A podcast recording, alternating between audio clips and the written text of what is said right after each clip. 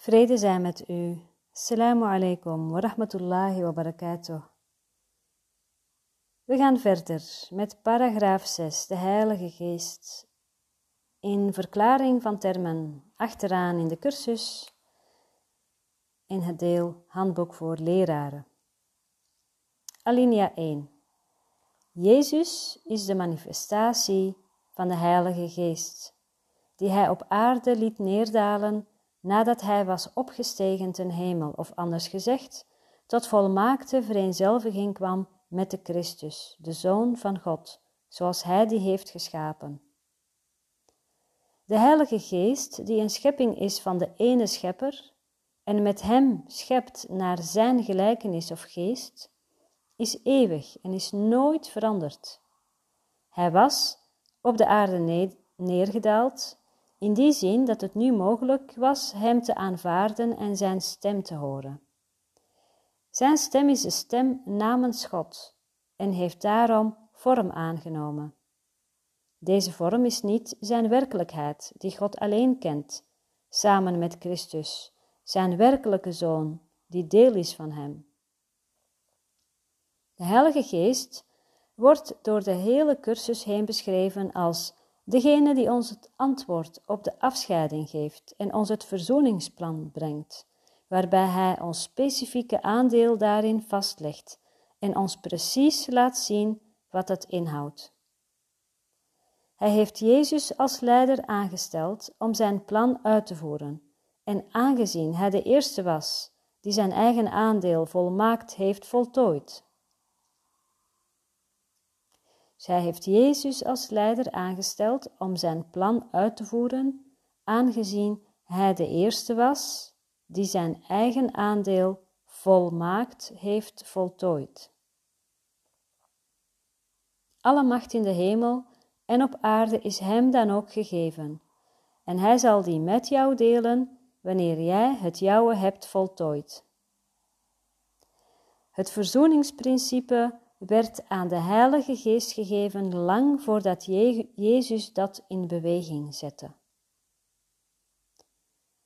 De Heilige Geest wordt beschreven als de overblijvende communicatieschakel tussen God en zijn afgescheiden zonen. Om deze bijzondere functie te vervullen, heeft de Heilige Geest een dubbele functie op zich genomen. Hij heeft kennis, want hij is deel van God.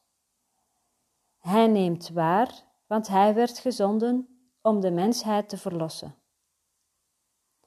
Hij is het grote correctieprincipe, de brenger van ware waarneming, de macht die onlosmakelijk verbonden is met de visie van Christus. Hij is het licht waarin de vergeven wereld wordt waargenomen, waarin alleen het gelaat van Christus wordt gezien. Nooit vergeet hij de Schepper, noch zijn schepping. Nooit vergeet hij de Zoon van God. Nooit vergeet hij jou. En hij brengt jou de liefde van je Vader in een eeuwige schittering die nooit zal worden teniet gedaan, omdat God die daar heeft geplaatst. De Heilige Geest verblijft in dat deel van jouw denkgeest dat deel is van de Christus-denkgeest. Hij, vertegen, hij vertegenwoordigt jezelf, zelf met hoofdletter, en je schepper, die één zijn.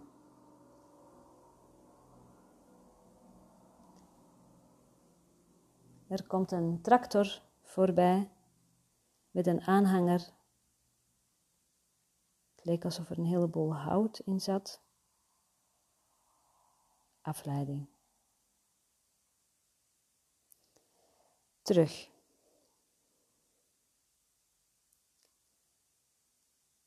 Nooit vergeet hij jou en hij brengt jou de liefde van je vader in een eeuwige schittering die nooit zal worden teniet gedaan, omdat God die daar heeft geplaatst.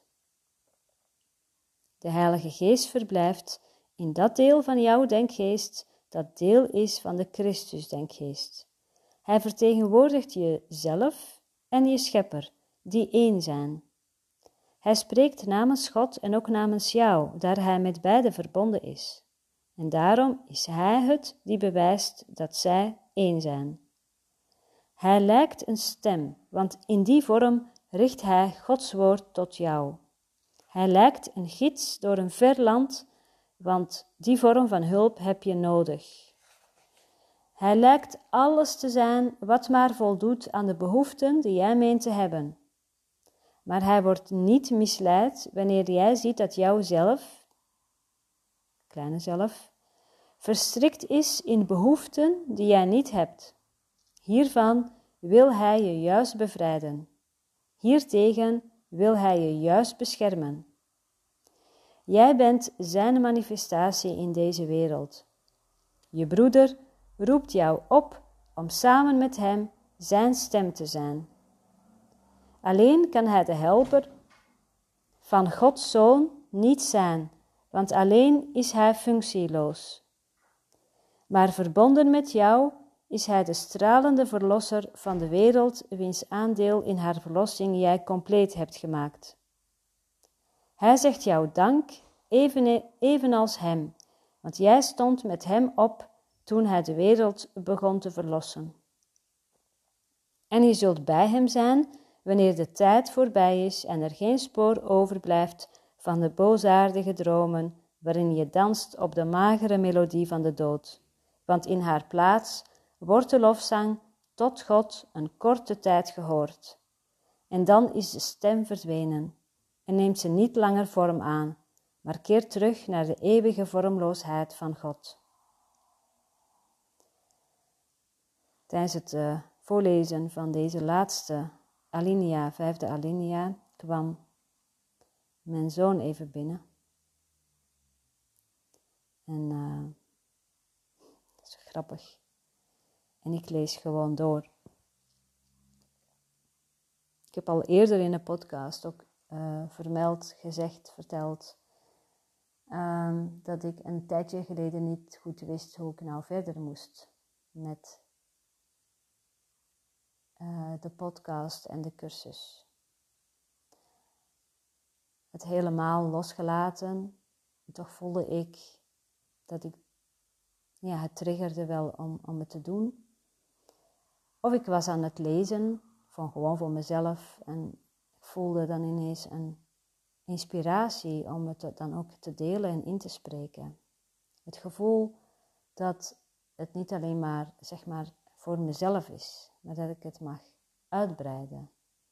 Niet vanuit een gedachte, maar vanuit een vreugdevol gevoel in het hart, een open hart. En toen ging ik in het denken zitten. Ja, kinderen die uh, op verschillende tijden school hebben, mijn inspiratie kan ik ook niet plannen. Uh, het vrijzetten en, en het toch doorgang laten vinden. Uiteindelijk heb ik dat uh, overgedragen. En in gesprek met iemand kwam er het inzicht van: stel dat je dat, al die gedachten nou helemaal loslaat. En wat als het helemaal oké is dat je een podcast inspreekt en er loopt iemand binnen? Ja, zo so be it. Is dat een ramp? Wat is de reden dat het allemaal niet mag? Wat zit daarachter? Ja, dat is natuurlijk altijd vanuit een beperking, vanuit het ego-gerichte bewustzijn. Nou, en dat overgedragen. En wat blijft er dan over? Wat wil God dat ik doe? Wat wil de stem namens God dat ik doe? En dat voelde op een gegeven moment bevrijdend, dat ik het mag doen op mijn manier. Op het moment dat de inspiratie er is. En, uh, en dat het helemaal oké is zoals het is. En in mijn ervaring, zoals ik in het leven sta, en mensen die al langer met me meegaan en mij ook dus persoonlijk kennen, die weten dat ik zo in elkaar zit. En, uh, en het geeft de ander ook ruimte van hé, hey, ik hoef het dus niet perfect te doen. Wat als ik vandaag een stap zet ook al is het nog niet helemaal zoals ik het zou willen hebben. En dan worden we ons bewust van hoe sluw eigenlijk het ego-gerichte bewustzijn is en ons toch steeds de regie heeft. Nou, en onze oefening hierin is om daarnaar te kijken. We hoeven het zelf niet te veranderen. Simpelweg bewust worden wat we aan het doen zijn, dat we zelf dus de droom in stand houden, helpt ons om te ontwaken uit de droom, uit, ja, je mag het gerust noemen, uit de nachtmerrie van de afscheiding en van lijden en conflict. Dus het zien, het herkennen en daar de verantwoordelijkheid voor nemen dat niemand buiten onszelf doet dit. We doen het zelf. Bang voor de totale liefde van God. Wat zou je doen met je leven als je werkelijk alles had wat je hart begeert?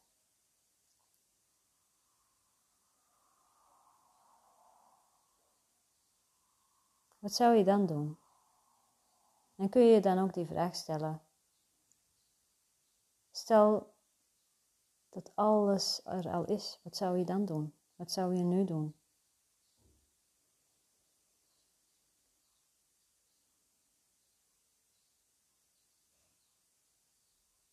Zijn er nog dingen die je tegenhouden vanuit een idee, vanuit bepaalde gedachten, vanuit een oordeel?